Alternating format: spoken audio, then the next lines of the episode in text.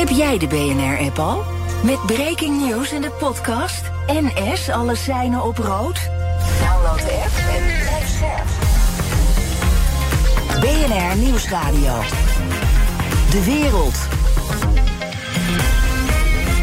Bernard Hammelburg. Welkom bij het beste binnenlandse programma over het buitenland. Straks, Rusland heeft enorme last van onze sancties. Tenminste, dat denken wij in het Westen. Intussen vindt het land allerlei manieren om aan spullen te komen. Daarover sanctierechtadvocaat Helene Over de Linden. Maar nu eerst, president Biden noemt Xi Jinping een dictator. Terwijl de Amerikaanse minister van Buitenlandse Zaken Anthony Blinken juist net probeerde de onderlinge relaties te verbeteren. Both China and the United States, I think, recognized that uh, we were in an increasingly unstable place in our relationship. I think this is um, the start of a process to put a little more stability into it. Both of us recognize that we have an obligation to responsibly manage the relationship. Zegt hij in een interview met NBC News. Is Blinkens bezoek aan Peking nou voor niets geweest? De gast is Oscar Garschagen, oud-correspondent in zowel China als Washington. Welkom, Oscar. Dank je. Uh, Biden vindt Xi Jinping een dictator. En dat zegt hij ook. Uh, China reageert furieus. Begrijpelijk? Uh, tot op zekere hoogte wel. Nou reageert China vaak furieus als er iets uit, uit Washington komt. Maar dat terzijde. Het is volgens mij voor de eerste keer dat, dat Biden iets persoonlijks zegt over, over Xi Jinping. Uh, hij zei niet alleen dictator, maar hij zei ook dat uh, Xi tijdens het uh, ballonnenincident eigenlijk niet op de hoogte was. En ik weet eigenlijk niet wat de, de grootste belediging is aan het adres van Xi. Het feit dat hij een dictator is of het feit dat hij als machtigste man van China en voorzitter van de militaire commissie van, uh, van niets wist. Nee. Dus ik denk dat men in, uh, in, in Peking niet, niet erg pleased is op dit nee, moment. Nee, en, en hij, hij zei. En, en, nogmaals, het is. Ja, nee, en, ja? en Biden formuleerde het ook zo apart. Hij zei: die, hij, hij wist niks van die ballon. En dat, ja, is die, dat is typerend voor een dictator. En ik, ik dacht, ja. wat, zou hij daar nou mee bedoelen? Ja. Nou ja, hij bedoelt uh, daarom uh, voor het eerst dat Biden echt iets persoonlijks over Xi zegt. Ze kennen elkaar heel goed. Uh, toen, toen Biden vicepresident was onder, onder Obama was uh, Xi Jinping uh, de tweede man in China, vicepresident, en maakte uh, voor de tweede keer in zijn leven een grote tour door de Verenigde Staten. En Biden was zijn gastheer. Ze gingen samen bier drinken. Ze zaten op de tribunes in de sportstadions, et cetera, et cetera. Dus de heren kennen elkaar. Ja. En, en kennelijk, nou ja, Biden is tegelijkertijd ook staat bekend om zijn off-the-cuff remarks. en misschien dat het onder deze categorie valt, ja. maar. Het, nou, het wat ook, wat, is natuurlijk slecht gekozen. Ja, even, even, ik spreek je dan even aan als uh, oud-Washington-correspondent. Hij is natuurlijk ook, Biden is op, op, op verkiezingstournee. En misschien, dat dacht ik tenminste, zit hij wel voor een zaal... die heel graag van dit soort taal wil horen over... of het nou over China gaat of Rusland. Ja, dus dat hij even vergat dat de rest van de wereld meeluistert. Hij zat uh, in een fundraiser. Ja. Uh, ter ondersteuning van een Californische kandidaat. Ja. Uh, voor Californisch, voor een, voor een, uh, voor welke plek weet ik even niet. Maar het was echt een, een partijbijeenkomst. Ja. En ja, de, de, campaigner Biden die ging in de, in de hoogste versnelling even. Ja. Oké, okay, het leek net de goede kant op te gaan, Oscar. Blinken was in, in Peking en het was even wachten of hij behalve zijn ambtgenoot ook Xi Jinping zal ontmoeten. Dat is gebeurd. Uh, sinds 2018 was er geen Amerikaanse minister van Buitenlandse Zaken meer in Peking geweest. Is dat nou allemaal teniet gedaan? Mm, dat, dat denk ik eerlijk gezegd niet. Uh, men is wel wat van elkaar uh, gewend. En ja, het, het, de trip van Blinken heeft natuurlijk niet zo heel erg veel opgeleverd. Het was een, een, een, bezoek aan zijn tegenhanger en een bezoek uh, ook aan Xi. Maar de, de, laten zeggen, de, de hele manier waarop Xi hem ontving, dat getuigde niet van uh, grote hartelijkheid. Nee. In, de, in, de, in de weken hiervoor zijn uh, Elon Musk en met name Bill Gates veel hartelijker ontvangen dan, dan Blinken. Blinken moest rechts van, van Xi zitten. Xi zat aan de hoofdtafel in een hele formele setting. Weliswaar gescheiden door de lotusbloemen, een rij lotusbloemen, de bloemen van de vrede en de liefde. Maar daar bleef het dan ook bij. En het was ook kort. En als je dan de vertaling eraf trekt, dan was het nog korter, was het maar een kwartiertje. Ja, ja, ja, ja. totaal was het ook 25 minuten. Maar toch, ja, nou ja, dat hij, dat hij op, op de zijkant van de tafel zit en niet aan het hoofd, dat begrijp ik. Want hij is maar minister. En hij zit bij een ja, president. Ja, maar voorgangers van, uh, van Blinken, Kerry onder andere en anderen die werden altijd in die, die, die beroemde stoelen uh, geplaatst. Oh ja. Van uh, de grote leider. Die, die, die grote lichtgekleurde leren stoelen waar geen mens normaal in kan zitten. Dan zakken ze allemaal onderuit. Ja, nee, we zien het helemaal voor ons. Ja. Um, Oké, okay, ja, de dingen die jou opvallen, die. die uh, de lotusbloem, de, de, bloem van de liefde, die, die, die stond er dus wel tussenin. Wat was.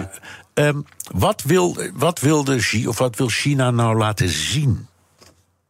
Nou, Xi, uh, denk ik, wil laten zien. Uh, Xi en Biden hebben elkaar vorig jaar in de marge van de G20 in Bali ontmoet. En die hebben toen met elkaar afgesproken. dat verslechteren van de relaties, ja, dat kan niet zo doorgaan. Dat is toch te gevaarlijk. we moeten toch op een of andere manier zien met name na het tijdperk van Trump, dat we weer in gesprek met elkaar komen. Hun marges aan beide zijden zijn natuurlijk zeer beperkt.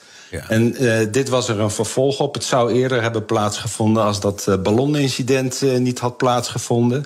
Daardoor ja. kon Blinken niet komen. En toen hebben ze, nou ja, je weet hoe dat gaat. Dan moeten er opnieuw afspraken gemaakt worden. En dat duurt een tijdje en dat was nu. En er kwam eigenlijk niet eens zoveel uit. Nee.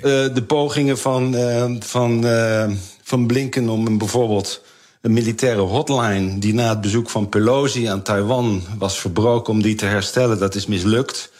Dat heeft te maken met het feit dat de Chinese minister van Defensie Li Shangfu op een eh, sanctielijst van Amerika staat. En die Li Shangfu, er was een generaal, nu minister van Defensie, is een vertrouweling van Xi Jinping. En, uh, en uh, Washington weigert om die sancties in te trekken. Dus dat is allemaal een, een kwestie van status, van face, gezichtsverlies, al dan niet. Dat, al dat soort atmosferische aspecten spelen daar natuurlijk een rol. Ja, uh, Blinken kreeg een soort uh, huiswerk mee van, uh, van Xi. Zegt, je moet thuis maar eens gaan uitleggen... Ehm, dat jullie ook meer positieve bijdrage moeten leveren aan de stabilisering van de betrekkingen tussen de, de twee landen. Wat, wat bedoelt hij daar nou mee? Want ik, kijk, je begrijpt dat Xi niet zal zeggen: wij doen alles fout. Hij zal altijd zeggen: jullie doen alles fout. Wat doet Amerika nou fout in de ogen van Xi Jinping? Uh, heel belangrijk in dit uh, opzicht zijn de, uh, is technologie. En met name de halfgeleiders, de chips. Uh, China heeft, uh, uh, gebruikt heel veel chips, maar niet, maakt ze niet zelf. Dat is een Taiwanese zaak. Amerikanen ontwerpen. In, in San Francisco en Silicon Valley worden ze ontworpen. In Taiwan worden de, de superchips gemaakt. Maar China probeert op dat niveau ook te komen en dat lukt maar niet. En dat baart natuurlijk Xi Jinping grote zorgen. En hij maakt zich zorgen over het feit dat Amerika erin slaagt om met bevriende landen uh, in het Westen en in Azië. Om als het ware een ring rondom China te vormen, waardoor China denkt dat ze zich niet kunnen ontwikkelen in het tempo waarin ze dat willen. Uh, en dat is natuurlijk uh, Xi's preoccupatie optima forma. Ja, maar wat, wat is dan als hij nu met Biden in één ruimte zou zitten. Hè, een heleboel mensen denken trouwens dat dat er ooit wel weer van gaat komen. Maar wat zou die dan tegen Biden willen zeggen? Nou, ze zullen willen zeggen uh, dat ze. Ze zijn natuurlijk in een, in een geopolitieke uh, competitie, in een rivaliteit uh, verzeild geraakt. Sinds, sinds nou zeg, zeg, de afgelopen vijf jaar, vanaf 2018. En die geopolitieke strijd die zal voorlopig nog wel doorgaan. Sommigen zeggen de komende 20, 30 jaar. maar essentie is natuurlijk om te voorkomen dat die geopolitieke rivaliteit, die systeemstrijd, uh, zullen we het noemen, uh, ontaart in, in, uh, in ongelukken. er zit de halve Amerikaanse marine vaart daar rond. Chinese marine, luchtmacht. een, een ongeluk zit in een klein hoekje. Dus je moet middelen en contacten en en systemen hebben om elkaar toch wat dat betreft uh, uh, te kunnen informeren en op, op één lijn te zitten. Dat dat niet ontaart in wat dan men denkt een derde wereldoorlog. Nee, en daarom zou zo'n militaire hotline natuurlijk handig zijn. Maar ik begrijp van de Chinezen. Ja, dat ook... verbaast me in hoge mate dat dat er niet is gekomen. Nou ja, ik vind, ik, vind, ik vind jouw uitleg wel plausibel. Als een minister op een uh, sanctielijst staat, dan roept hij: je kan ja. wat. Dat snap ik best. Ja, ja. Dat, dat, zo werkt dat. En.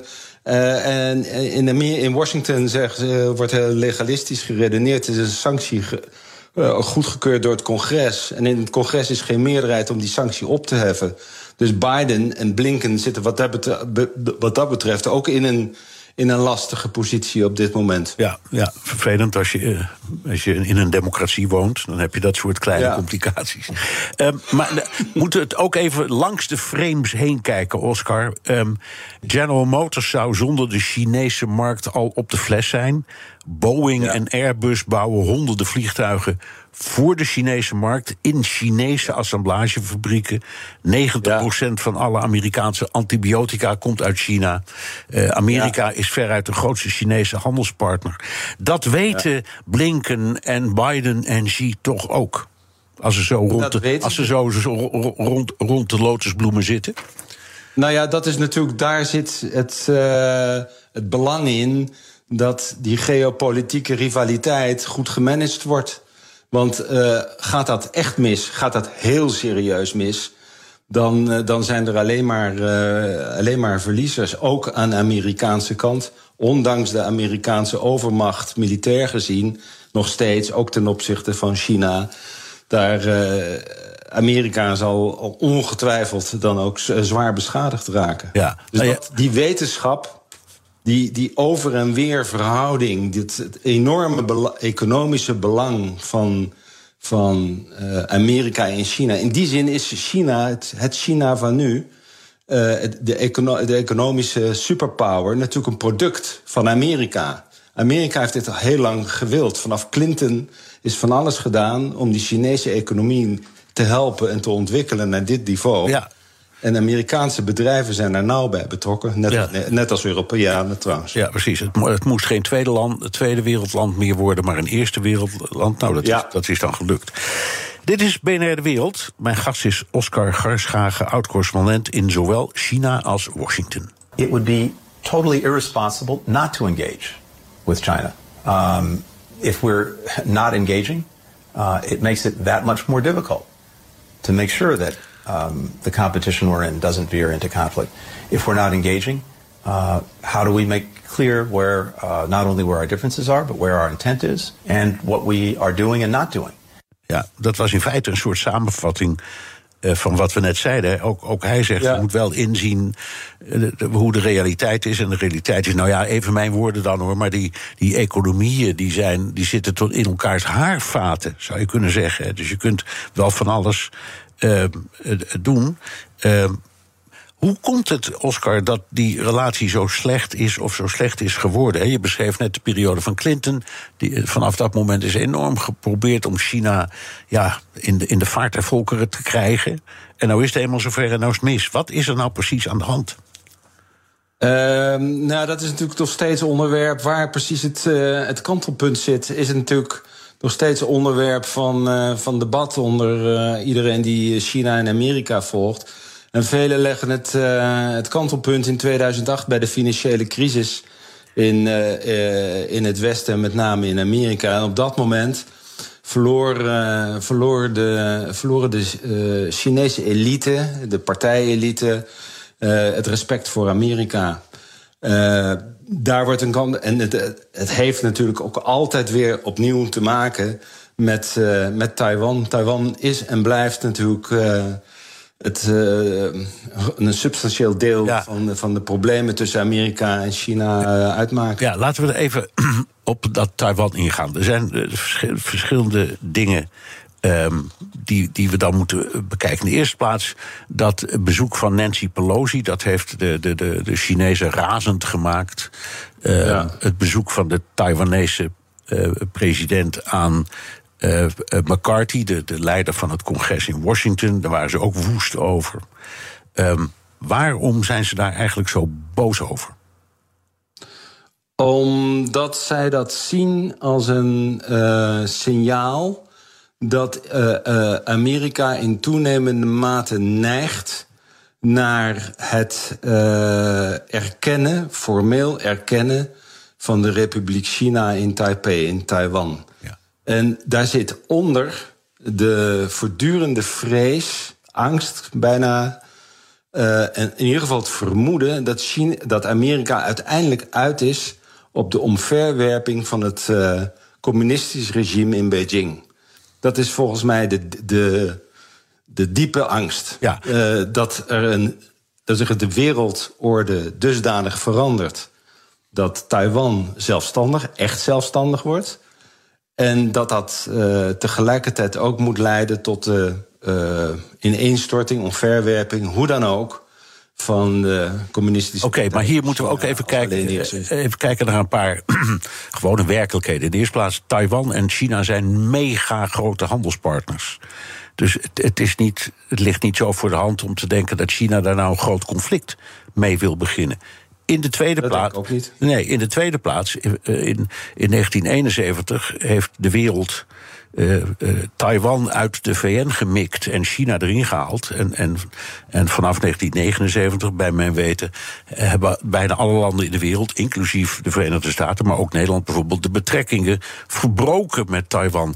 Als je nou vindt dat Taiwan een democratie is die beschermd moet worden en steun nodig heeft, moet je dan als Westerland niet gewoon overgaan tot erkenning?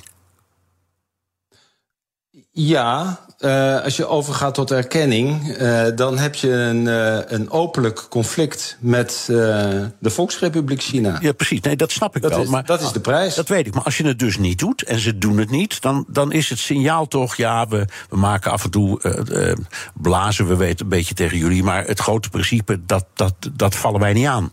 we, we, zeggen niet dat Taiwan niet een, een, een eenheid is samen met, met China. We zeggen alleen, het is een democratie en we zouden het vreselijk vinden als die in gevaar kwam. Dus het is toch niet zo bedreigend voor China? Dat bedoel Jawel, ik. nou ja, maar in, in, toenemende mate, dat zo, zo kijken ze vanuit Beijing en zo lees je dat ook in de Chinese pers als het gaat over de, de ontwikkelingen in, uh, in Washington. Men ziet in toenemende mate een trend, ook in het Amerikaans congres, ook bij de Republikeinen. Aanvankelijk ook onder Trump. Uh, Trump begon met uh, telefoontjes naar Taiwan toen hij net verkozen was. Als een, als, een, als een ontwikkeling in een richting waarin het de status quo uh, van dit moment, die al een hele tijd werkt, uh, tot ieders tevredenheid, verbroken zal worden. En dat Amerika echt overgaat tot de erkenning van de Republiek China ja. in Taipei. Ja. Maar er is... dat, die vrees zit erin. Ja. En, en, en er zijn natuurlijk duizend andere dingen waar de Chinezen zich aan ergeren. Natuurlijk, dat begrijp ik. Maar dat grote kantelpunt van die erkenning, dat komt er niet. En dat weten de Chinezen ook. De, de, de Amerikanen kijken wel uit, zeg. Waarom zouden ze? Uh, nou ja, vertel, dat in, uh, uh, vertel dat in Beijing. Oké. Okay. de Chinese pers, de uitspraken van Xi Jinping, de speeches ook deze, deze uh, nieuwe uh, groot, uh, hoogste diplomaat van China, Wang Yi, die komt uit die bureaucratie van, uit de Taiwan-bureaucratie. Die, die, die kijken daar toch anders tegenaan. Ja. En die zijn daar zeer beducht voor. En vandaar dat die, dat bezoek aan Pelosi werd gezien als een teken van: zie je wel, ze zijn op weg naar. Ja, uh, nog even twee uh, uh, dingetjes. In de eerste plaats de beschuldiging van vooral de, de, de, Amerikanen dat China wapens of onderdelen van wapens levert aan, aan Rusland.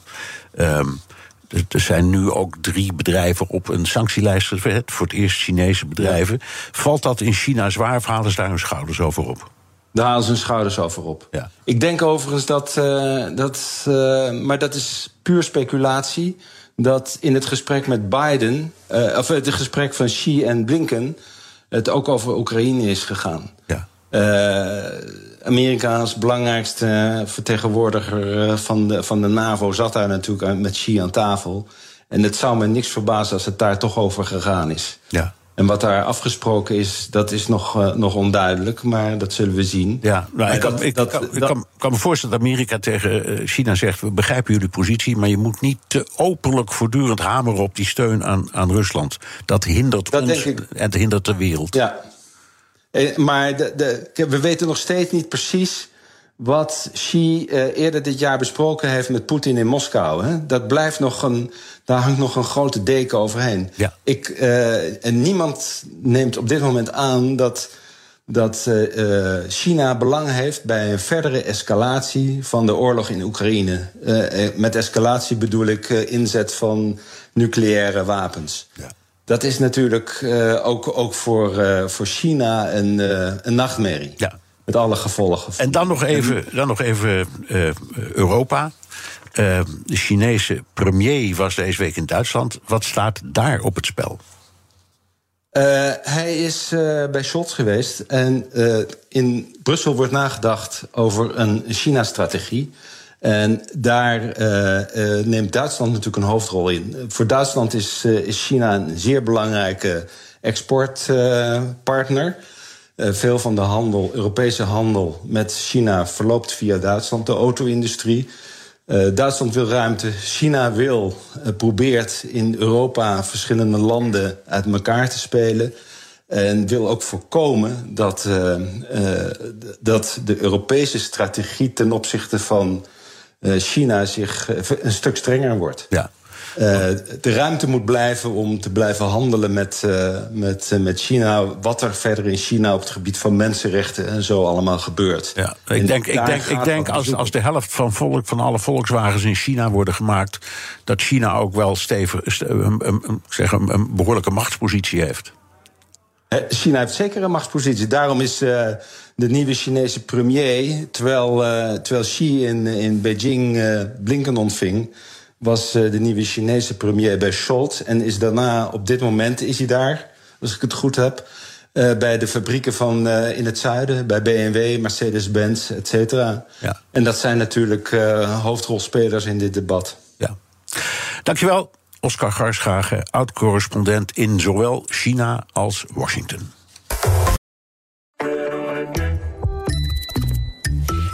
Het Eneco Klimaatreport van deze week komt uit Amsterdam. Ik ben Pascal en ik sta hier met de oprichter van Wikkelhuis op de werkplaats. Oep, wat zie ik hier? Ja, je ziet allemaal huisjes. En welke rol speelt energie-efficiëntie in jullie ontwerp- en bouwproces? We bouwen alleen maar met hernieuwbare materialen. Maar het leukste is dat we eigenlijk uh, zonne-energie gebruiken voor onze elektriciteit. We hebben duizend zonnepanelen op ons dak van de werkplaats. Duizend zonnepanelen, dat zijn er een hoop. Ik kan me voorstellen dat er veel stroom vanaf komt. Ja, er komt een enorme bak met stroom uit. En soms in de zomer is dat ook te veel. En daarom werken we samen met uh, Eneco, met het uh, opwek optimaal systeem. En wat doet dat uh, systeem? Een soort dimmer. Dat als er te veel stroom is, dat je dat zeg maar wat terug reguleert, zodat er geen netcongestie ontstaat. Want dan zou alles vastlopen. Uh, juist de balans op het energienetwerk. Ja, precies.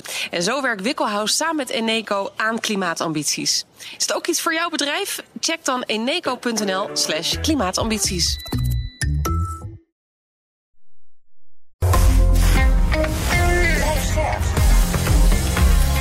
BNR Nieuwsradio. De wereld. Bernard Hammelburg. In het bloedhete Dubai maken ze auto's met stoelverwarming. En bij allerhande producten zit opeens een Russische handleiding. Rusland weet op allerlei manieren sancties te ontwijken. Hoe effectief zijn die sancties nou eigenlijk? En hoe groot is de parallelle import? Mijn gast is sanctierechtadvocaat Helene Over de Linden. Welkom. Dank je. Yesterday I proposed to EU member states to cover 45% of this gap This is in total 50 billion euros for Ukraine. Dat was Ursula von der Leyen, voorzitter van de Europese Commissie op de conferentie voor wederopbouw Oekraïne. En op diezelfde conferentie zijn de ambassadeurs van de EU-lidstaten het gisteren ook eens geworden over een nieuw sanctiepakket tegen Rusland. Het elfde pakket. Uh, wat, uh, uh, wat houdt het in? En laat ik het zo zeggen, draagt het echt bij aan het treffen van, uh, van uh, Rusland? Of kunnen ze ook dit weer allemaal omzeilen? Ja, goede vraag. Nou, ik ben nog steeds van mening dat elk pakket heeft zin. Dit elfde pakket is met veel moeite tot stand gekomen. Maar er zitten ook hele belangrijke punten in. Want juist nu gaan we echt proberen de omzeilers aan te pakken. Dus dat is uh, iets nieuws. Waardoor dus ook landen die het bewerkstelligen dat omzeiling makkelijker plaatsvindt die worden nu ook te dupe. Dus zo zijn er. Uh, er was discussie over acht Chinese bedrijven, waar dus veel omzeiling via die bedrijven plaatsvindt. Nou, uiteindelijk nu het elfde pakket is aangenomen, zijn dan twee op de lijst gekomen. En zo gaan we dat uitbreiden met landen die helpen omzeilen. Die komen gewoon ook uh, ja, met naam en toename op de lijst. We hadden het er net met Oscar Garschagen over. Uh, die, en die zei, maar dit maakt op de Chinezen niet de minste indruk. Oh, ja. nou, ik denk uh, juist het omgekeerde, omdat er dus heel veel discussie is geweest vanaf eind april over dit elfde pakket. En met name ook omdat er dus heel veel Chinese bedrijven op die lijst zouden komen. En er uiteindelijk nu toch zes zijn geschrapt, die er dus wel op hadden moeten staan. En voor China, China was dit wel een groot issue. Dus ik denk toch dat ze dat wel heel vervelend vinden en dat het wel indruk Ja, een, een van de punten is zogenaamde dual use. En dat gaat om half geleiders, chips kun je zeggen. Um, ik begrijp dat de Russen geen chipprobleem meer hebben. Ja, maar uh, wij moeten ook ons realiseren dat we nu natuurlijk in een oorlog zitten waarbij ook een informatieoorlog hoort. Dus uh, wij kunnen niet precies weten dat wat we, wij lezen, dat dat ook de waarheid is. Maar ja, ze doen er natuurlijk alles aan om elke keer toch nog die chips chips te krijgen. En tot nu toe is dat redelijk gelukt, zelfs via Nederland. Dat hebben we Nijmegen, ook hè? Ja. ja. inderdaad. Zo dus, werden wij zomaar wereldnieuws plotseling. Precies, ja. ja. Dus dat was wel een voorbeeld van dat wij dat niet hebben weten tegen te houden. Maar ja, hoe, in hoeverre ze het zelf allemaal kunnen regelen, dat uh, blijft voor mij toch wel een vraag. Oké, okay, en wie wordt nou getroffen door sancties? Als ik ga even uit van jouw redenering. Ze, ze, ze doen wel degelijk iets, die sancties. Mm -hmm. Wie hebben er nou last van? Ja, nou die sancties hebben eigenlijk een heel uh, zijn breed toepasbaar en hebben op allerlei verschillende plekken hebben ze effect. Dus eigenlijk moeten ze natuurlijk Poetin raken en ervoor zorgen dat Poetin die oorlog stopt. Maar dat hebben we nu na 16 maanden al gemerkt dat dat niet zo is. Maar in ieder geval moet het het oorlog voeren duur maken. Dat is ook wat uh, Ursula von der Leyen steeds zegt. Van wij moeten deze oorlog voor Poetin zo ingewikkeld en duur mogelijk maken. Dus in ieder geval bereiken we dat er wel mee. Want omzeilen kost heel veel geld. En allerlei ja. tekorten aan producten, waardoor de vertragingen ontstaan, kost ook veel geld. Dus zodoende raken we toch wel indirect die oorlogskas van Poetin. Maar we raken natuurlijk ook heel veel andere ondernemers, Russische ondernemers, maar ook westerse ondernemers. Want als je het breder uittrekt en niet alleen naar dual use kijkt, maar bijvoorbeeld ook het olieembargo, ja, dan hebben we misschien onszelf er ook mee. Dus eigenlijk laat deze vraag zich niet heel eenvoudig beantwoorden. Maar nee, ja, we hebben er allerlei partijen mee. De, de ja. Moscow Times schreef vandaag dat het staatstekort in Rusland twee keer zo groot is nu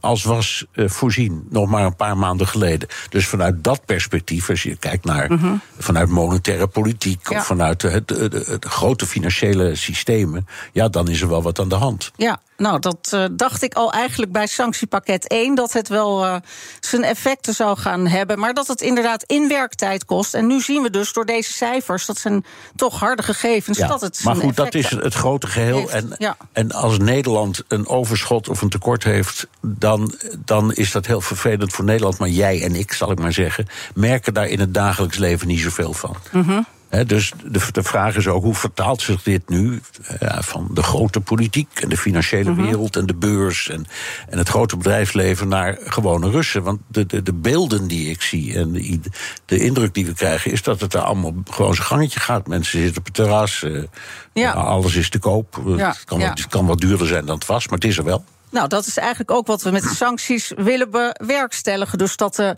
de elite, in dit geval de oligarchen en de entourage rond Poetin en zijn oorlogskas worden geraakt, maar juist niet de gewone burger. Dat is eigenlijk al iets wat heel lang geleden door de VN ook zo is bepaald. Dat sancties mogen de bevolking niet raken. En inderdaad, ik hoor ook van Russische vrienden die nog in Rusland wonen, dat het qua levensmiddelen en het gewoon dagelijkse leven allemaal erg meevalt. Dat dat nog wel redelijk te doen is. Al vallen wel overal gaten, want hun creditcards doen niet meer. Ze kunnen heel veel dingen op internet niet meer bestellen, kunnen niet meer op reis. Binnenlandse vluchten zijn heel duur geworden. Dus als je doorvraagt, zijn er wel al heel veel problemen. Maar Ja. de basisbehoeften, daar schijnt nog steeds. Maar een eh, deel geen- van die problemen hebben wij ook hoor. Want ook, Nee, serieus, ik dat is geen grap. Mhm. Ja. Maar ook, ook, laten we zeggen, eh, vliegen is hier ook duurder geworden. En, en allerlei levensmiddelen ook. Dus we hebben allemaal. Mhm. We hebben er allemaal eh, last daarvan- van. Oké, Ja. het, het, de- de- er valt voortdurend het begrip parallelle import. Ja. Leg uit, wat, hoe gaat dat precies en hoe doen de Russen dit? Ja, nou dat was eigenlijk al een van de eerste actiepunten van Poetin. Want hij is altijd erg bij de les, hebben we wel gemerkt. Met actie is reactie. En zoals hij het noemt, spiegelbeeldige reacties. Dus parallele import betekent dat er zijn natuurlijk allerlei grote merken... die allemaal in Rusland eh, aanwezig waren met eh, winkels of fabrieken die zijn na 28, 24 februari, dus eind februari vorig jaar vertrokken. Vanwege ja, druk vanuit de EU of zelf een morele verplichting voelende dat ze weg moesten. Dus toen was er opeens een tekort aan allerlei hele ja, basale producten van bekende merken. Dus toen heeft Poetin gezegd: ik ga een lijst maken van merken uit het Westen waarvan ik het geen probleem vind dat die geïmporteerd worden zonder goedkeuring van de fabrikant, van de, ja, de, de merkhouder. Dus dat is nu aan de orde. En die lijst die wordt steeds uitgebreid. Dus uh, daar zit allerlei cosmetica, uh, allerlei uh, ja, bekende Ja, merken nou, van la, la, witgoed, laten we een voorbeeld nemen. Hè? Een, een, een, een, een chique tas van Chanel. Mhm. Uh, die staat op die lijst, hè? Dat, uh, dat, dat is dan, hoe, hoe komt die dan. Um, hoe, hoe komt die in een winkel en hoe, hoe, hoe Ja. komt die, hoe komt die terecht bij de Russische consument? Nou, dat is het verhaal natuurlijk van de, de uitwijklanden. Dus bijvoorbeeld Kyrgyzstan. Ja, dat, daar ben ik vaak geweest. Dat is een, uh, toch wel een vrij arm land. Waar misschien in Bishkek, de hoofdstad, nog mensen wel een klein beetje draagkracht hebben, maar verder niet. Dus als daar opeens al die tassen heen gaan, wat heel aannemelijk is dat er daarheen wordt geëxporteerd. Ja, dan werken zij dus mee aan het omzeilen. Hier wordt gezegd: oké, okay, we exporteren naar Kyrgyzstan. Want de RVO heeft ons zelf aangeraden: ga op zoek naar nieuwe afzetmarkten. Dus we gaan niet meer naar Rusland. We hebben een nieuwe afzetmarkt, Kyrgyzstan. Nou, en is daar een handige Harry, zeg maar. En die. Uh, exporteert dat verder naar Rusland. Maar ondertussen loopt hij wel ook tegen allerlei barrières aan bij de Russische douane. Want die doen wel heel moeilijk over certificaten. Dus hij moet dan wel aantonen dat die Chanel-tas... dat dat niet een of andere Turks nepmerk nee, en hij is. moet ook niet van een vrachtauto zijn gevallen. Hij moet kunnen Ja, aantonen dat hij dat hem heeft het- verkocht. En, Ja, en- ja, precies. Dus hij heeft het certificaat van oorsprong nodig. waar wij steeds hier hameren op dat er een end-user-verklaring moet komen. Oké, nou, nou is uh, uh, Kirgizië is dan één, één voorbeeld. En je hebt nog een hoop andere voormalige Sovjet-staten... Mhm. Ja. waar misschien het verhaal ook een beetje zo, zo werkt. Maar je hebt ook Turkije, China, Ja. India. India. Ja, dat zijn toch hele grote landen. Wat voor rol spelen die in dit spel? Mijn, mijn Ja. indruk is, want die zeggen gewoon... wij doen niet meer aan die sancties, je kan, hem- je kan maar wat. Dus de- die hebben ook helemaal geen probleem. Nee. Nee, inderdaad. Nou, is eigenlijk eh, is het een vraag die zich heel makkelijk laat beantwoorden. Van ja, wij doen niet mee. En eh, wij keuren de oorlog niet goed, maar we keuren hem ook niet af. Dus eh, met ons kun je nog gewoon zaken doen. Dus landen zoals China en India, dat wordt nu gezegd dat daar met het olieembargo en het prijsplafond heel veel gaat gebeuren. Maar dat is vooralsnog niet allemaal boven water. En zo heeft elk land, denk ik, zijn eigen specifieke karakter. Waarin het omzeilen dan via dat land eh, makkelijk is. Ja. Ja. En om eh, dat soort landen, het zijn grote, machtige landen. Turkije, dat is, eh, dat, nou, ja, dat is om de hoek, zal ik maar zeggen. Om wat voor soort goederen gaat dat dan? Wat, wat, wat komt er via Turkije en via China en via India allemaal naar Rusland? Terwijl wij hoopten dat de sancties dat onmogelijk zouden maken. Ja. Nou, ten eerste, ik heb niet uh, lijstjes met wat, welke producten via welke landen gaan. Maar het is wel zo dat eigenlijk alles wat op die 833-lijst staat. met uh, verboden export- en importgoederen. dat dat op een of andere manier rechtsom of linksom nog naar Rusland gaat. Dus dat gaat ja, om een heel breed pakket aan, uh, aan zaken en aan diensten. Dus, nou ja, ja. Ik, ik, ik, noemde die, uh, die auto's die in, in Ja. Dubai worden voorzien van stoelverwarming. Mhm. Uh, de, het, het bedrijf dat dat doet, laat dat heel trots zien aan bezoekers. Je mag er foto's van maken, want ze zeggen: ja, we doen helemaal niks fout. Mhm. Wij hebben Ja. ook normale handelsrelaties met, ik weet niet, dit waren geloof ik Britse auto's uh, en Duitse auto's op die foto, Mhm. maar het doet er even niet toe. Ze zeggen wij, wij voeren die gewoon in en die, die verbouwen we en die, die verkopen we aan onze vrienden in Rusland. Dat mag gewoon. Ja, ja, volgens hun wetgeving mag dat gewoon. En zolang wij inderdaad niet kunnen aantonen dat die producten al hier gekocht werden met de ja, voorbedachte raden dat dat daarna naar Rusland zou gaan. Ja, als zij zeggen wij waren gewoon uh, altijd al voornemens om die hier in onze autosalons bijvoorbeeld neer te zetten, kijken of het verkoopt. Ja, toevallig komt er een rijke Rus die ze koopt, omdat hij ze zelf niet meer vanuit de EU kan halen. Ja, uh, dat kan ons niet verboden worden. Dus dan krijg je ook meteen waar het probleem ja. zit. Dat als zij zeggen wij waren echt helemaal niet voornemens om dat direct door te verkopen. Maar ja, we hebben die auto's in ons salon gezet en er komen toevallig heel veel Russen heel veel op. Rust langs ja. en die, die willen allemaal ja, toevallig precies. En dat is dus ja. inderdaad het grote probleem. En het andere probleem is dat wij ook altijd zeggen van... ja, als je niet meer naar Rusland kunt exporteren... zoek nieuwe afzetmarkten. Nou, en dan zijn er ondernemers die hebben die markten. Ja, en dan, uh, en dan gaan de Russen dan ook opeens weer, weer verdacht. Ja. ja. Dus dit is natuurlijk een probleem. Maar al met al proberen we daar wel een oplossing Kun je een beetje een idee geven over de omvang van dit mechanisme... als we kijken gewoon op de totale handel vergeleken met vroeger. Hè, met, we hadden handel -hmm. met Rusland. Nu loopt dat via allerlei schimmige kanalen. Of soms dingen die we gewoon kunnen waarnemen, zoals die ja. auto's. Ja. Auto's in de krant en al. -hmm. Hoe groot is. Ja. Hoe gro nou ja, ik ben natuurlijk een jurist en geen econoom. Dus ik heb steeds niet al die cijfers in mijn hoofd. Zoals wat je net ook vroeg: van hoeveel gaat er nou en welke producten naar Turkije. Maar ik zit altijd meer te kijken van wat zijn de mazen in, het wet, in okay. de wet. En hoe gaan wij die dichten. Maar volgens mij gaat het echt om heel veel geld. Omdat Rusland was voor ons een hele grote zowel import- als exportpartner. En Rusland stond ook bekend als een land wat eigenlijk alleen maar olie en gas produceerde. En verder. En Kalashnikovs. Over, ja, ja, Kalashnikovs. En verder gewoon heel afhankelijk was van de import. Dus het gaat om hele grote volumes. Dat, ja. dat is wel een feit. Ja. Dit is BNR, BNR De Wereld. Mijn gast is sanctierechtadvocaat Helene Over de Linden. Iran's Revolutionary Guards have been providing Russia with Shahed drones to attack civilian infrastructure in Ukraine. They are now under complete ban to sell sensitive items to Russia.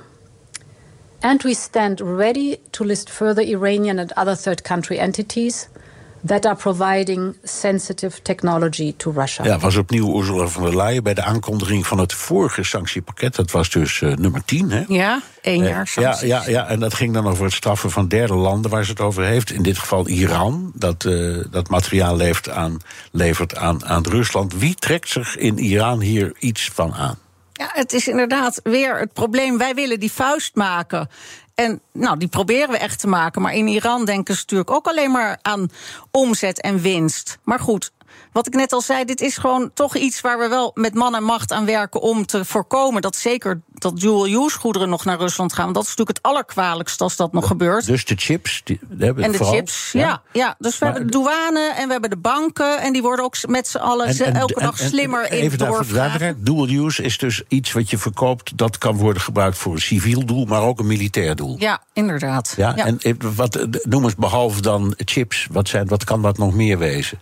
Ja, allemaal dingen, uh, onderdelen. Ja, voor, voor drones ja. En ook uh, nachtkijkers. Of dingen voor uh, duikboten. Ja, je kan het zo gek niet bedenken. Ook die lijst met dual-use goederen. Allerlei details en dingen, inderdaad schroefjes en moertjes... waar wij nog nooit van gehoord hebben. Nee. Die staan er allemaal op. En dat is eigenlijk het probleem... dat er nog steeds ook dual-use goederen zijn... Ja. die die kant op kunnen.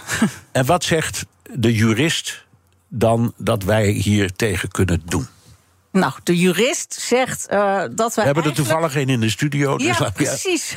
Nou, de jurist is ten eerste verbaasd. Wij hebben natuurlijk al heel lang allerlei embargo's. Want net noemde je Iran, maar we hebben al heel, heel lang ook allerlei uh, exportrestricties naar onder andere Iran en heel veel andere landen, wel 30 landen. Maar we zijn blijkbaar nog steeds niet ja, heel wijs geworden van al deze sancties die al langer van kracht zijn. Dus we hebben nu Rusland echt als uh, de lakmoesproef om te laten zien wat wij waard zijn als we iets zeggen om het ook inderdaad waar te maken. Dus wat wij kunnen doen is dat de banken erg netjes hun werk gaan doen en de douane ook, want die zijn een soort poortwachters en die zijn ook al heel erg bezig met hoe ver, dat is voor hun uh, voor de banken bijvoorbeeld de vraag van... oké, okay, we zien een betaling binnenkomen of een betaling eruit gaan. We gaan vragen van uh, waar is die betaling Waar dient die toe? En uh, ja, we zien toch omzeillanden hier uh, in beeld komen. En dan krijg je dat know your customer verhaal. Dus banken gaan heel erg doorvragen. En maar dat, dat zijn lastig. westerse banken. Dat zijn westerse banken. Ja. Ja. Maar uiteindelijk, ja, als spullen uit de EU komen. Want embargo geldt natuurlijk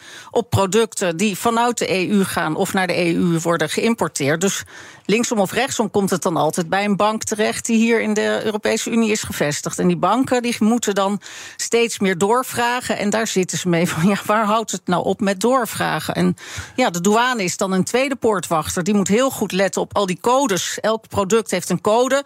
Dus wordt er niet eenvoudig gefraudeerd met bijvoorbeeld een verkeerde code op de paklijst zetten. Of wordt er uh, ingenieus gefraudeerd met uh, omzeilerslanden. En dan gaan ze kijken. En het schijnt ook dat ze als dingen ontdekt hebben dat er bijvoorbeeld toch al stickers op verpakkingen zitten. Dus nog met een. Een taal, bijvoorbeeld Kirgiz of Turks. En dan als je die sticker eraf haalt, dan zit er al een Russische sticker onder. Want ja, de producten moeten als ze in Rusland aankomen voorzien zijn van een label met natuurlijk een, uh, een uh, productomschrijving die de Russen kunnen lezen. Ja. Ja. Oké, okay. Hoe, in hoeverre werken, laten we zeggen, onze westerse banken en instellingen en douane mee? Doen die echt uh, wat ze behoren te doen? Ja, volgens mij wel. Want ik ben de laatste tijd erg veel in het nieuws geweest, zoals iedereen misschien weet. Dus dan word ik ook door allerlei uh, ja, uh, instanties, maar ook uh, ondernemers en banken gebeld. Die, die dan vragen van hoe zit dit, hoe zit dat. En, en we ontmoeten elkaar op cursussen. Want iedereen doet zijn best om zo goed mogelijk zich te laten opleiden. En het is zeker een feit dat de banken erg hun best doen. Want ze zeggen ook, als het misgaat, ja, dan komen wij natuurlijk met dikke chocoladeletters voor op de krant. Van ja, hebben is... laten doorgaan, hebben niet goed doorgevraagd. Dus ze zijn doodsbang voor hele hoge boetes en doen erg hun best. Maar zeggen ook van het grootste probleem is van ja, hoe ver vragen wij door met het Know Your Customer? En inderdaad, welke transacties worden eruit gehaald, zeg maar, automatisch? Nou ja, en nogmaals, er is, er, er is een verschil tussen iets, voor, iets een, een transactie goedkeuren voor, voor een Kazachstan of Kirgizië of Gazemur, of eentje voor Turkije. Want ja, daar, dat is gewoon een grote handelspartner. Dus wie ja. kan dat in vredesnaam controleren? Ja, nee, maar dan wordt er dus naar die uh, productcodes gekeken. Ja, dus als het iets is wat Rusland altijd afnam en Turkije niet, je kan natuurlijk met, uh, met uh, ja, ja, dan weet je dat dat artificial intelligence waarschijnlijk wordt dat ook steeds beter. Kun je heel veel dingen gewoon uh, ja, laten uitzoeken van hé, hey, dat ging altijd naar Rusland, dat ging nooit naar Turkije, nu gaat het naar Turkije. Oké, okay, een vraag die we nog niet, nog niet hebben gesteld, maar wel moeten stellen. Mm -hmm. Hoeveel zin hebben sancties tegen Rusland? Waarom? Ja, waarom ik ben nog steeds van mening dat die sancties heel belangrijk zijn. En die hebben gewoon een aantal functies. Dus het is al duidelijk dat wij het voor Poetin wel duurder maken om de oorlog te voeren. Maar ja, Rusland is gewoon een rijk land, rijk aan grondstoffen. Dus dat is heel moeilijk om dat land klein te krijgen. Een andere belangrijke functie is dat wij Oekraïne laten zien: wij staan achter jullie. Want ook als Russen naar het Hof van Justitie gaan om van de sanctielijst af te komen, dan zegt het Hof ook altijd: sancties zijn bedoeld om een jonge democratie te steunen. Dus dat zijn politieke maatregelen om te laten zien aan een land, wij steunen jullie en daarom kondigen we sanctie af, sancties af tegen de agressor. Dus in dit geval staan wij heel duidelijk achter Oekraïne, zelfs als het onszelf ook raakt. En dan is er nog, er zijn nog veel meer belangrijke punten, maar ik vind zelf ook een heel belangrijk punt, want we hebben het nu over omzeilen, maar je hebt natuurlijk ook nog die lijst met personen die op de sanctielijst staan. Dus oligarchen en rijke Russen en andere facilitators. Ja. En die ja, die kunnen natuurlijk ook omzeilen. En die hebben ook allemaal bedrijven hier en belangen hier, ook in Amsterdam, zeg maar, met hun houdster en financieringsmaatschappijen. Dus die hebben vaak, dat noemen ook Amerikaanse onderzoeksbedrijven, dat zijn octopussen waar die, uh, die oligarchen vaak de CEO's van zijn of waren. En die octopussen hebben tentakels over de hele wereld, maar ook in de EU hebben ze dus allerlei belangen. En wij willen eigenlijk dat boven water krijgen, dat wij zien waar zitten eigenlijk die Russen achter. Want voor het hetzelfde geld, of eigenlijk niet hetzelfde geld, zijn ze straks eigenaar indirect van ASML of noem maar op, een, ja. een andere belangrijke fabriek. Dus daarom met die sancties, als het bevroren wordt, als we vinden waar de assets uh, zich verscho verscholen houden, dan krijgen wij zicht op waar de Russen allemaal zitten. Dat is een belangrijk punt op Zeker. van de sancties. En het lijkt mij ook ja. juridisch interessant, -hmm. evenals het eerste uh, punt -hmm. dat, je, dat je noemde. Hè. Je moet zien dat je uh, Poetin en zijn coterie isoleert. Maar de andere dingen als solidariteit en zo, dat zijn morele kwesties. Dus je Ja. kunt net, dat, dat klinkt wel heel mooi, sancties. Mhm. Als je alleen maar zegt, ik wil laten zien dat we achter jullie staan, maar het werkt niet echt, ja, Ja. sta je dan wel echt achter ze? Ja.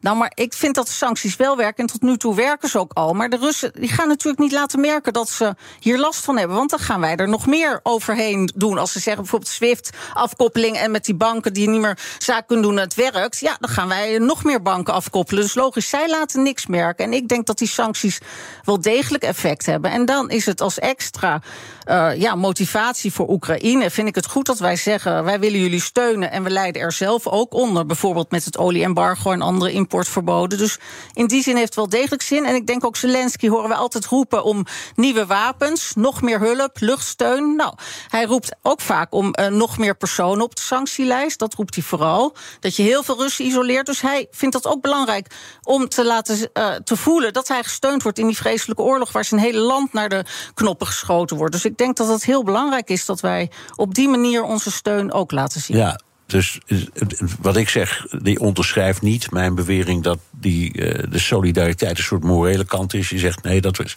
onderdeel van, ook van het juridische spel.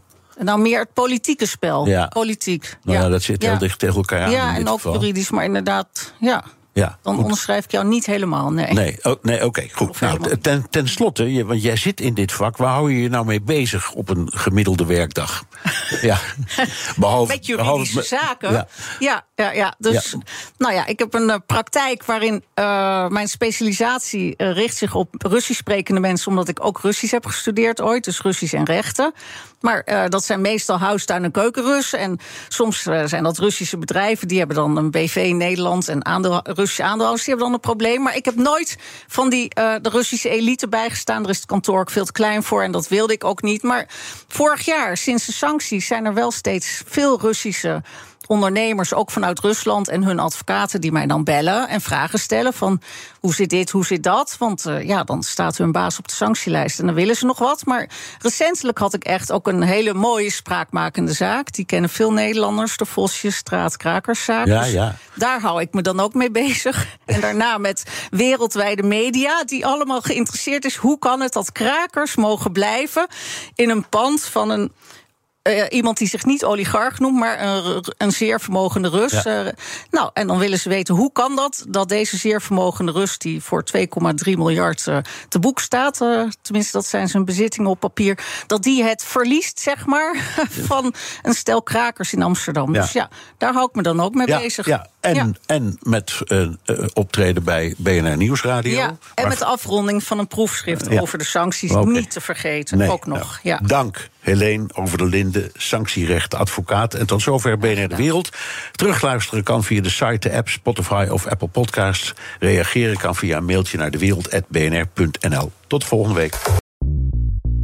Bij BNR ben je altijd als eerste op de hoogte van het laatste nieuws. Luister dagelijks live via internet. Jelle Maasbach, Wesley Weert. We zijn er voor je met het leukste, opvallendste, maar natuurlijk ook het belangrijkste nieuws. Tijdens de presentatie van die halfjaarcijfers toen die beurskoers in elkaar kukkelde. BNR Beurs. Voor de slimme belegger. Blijf scherp en mis niets.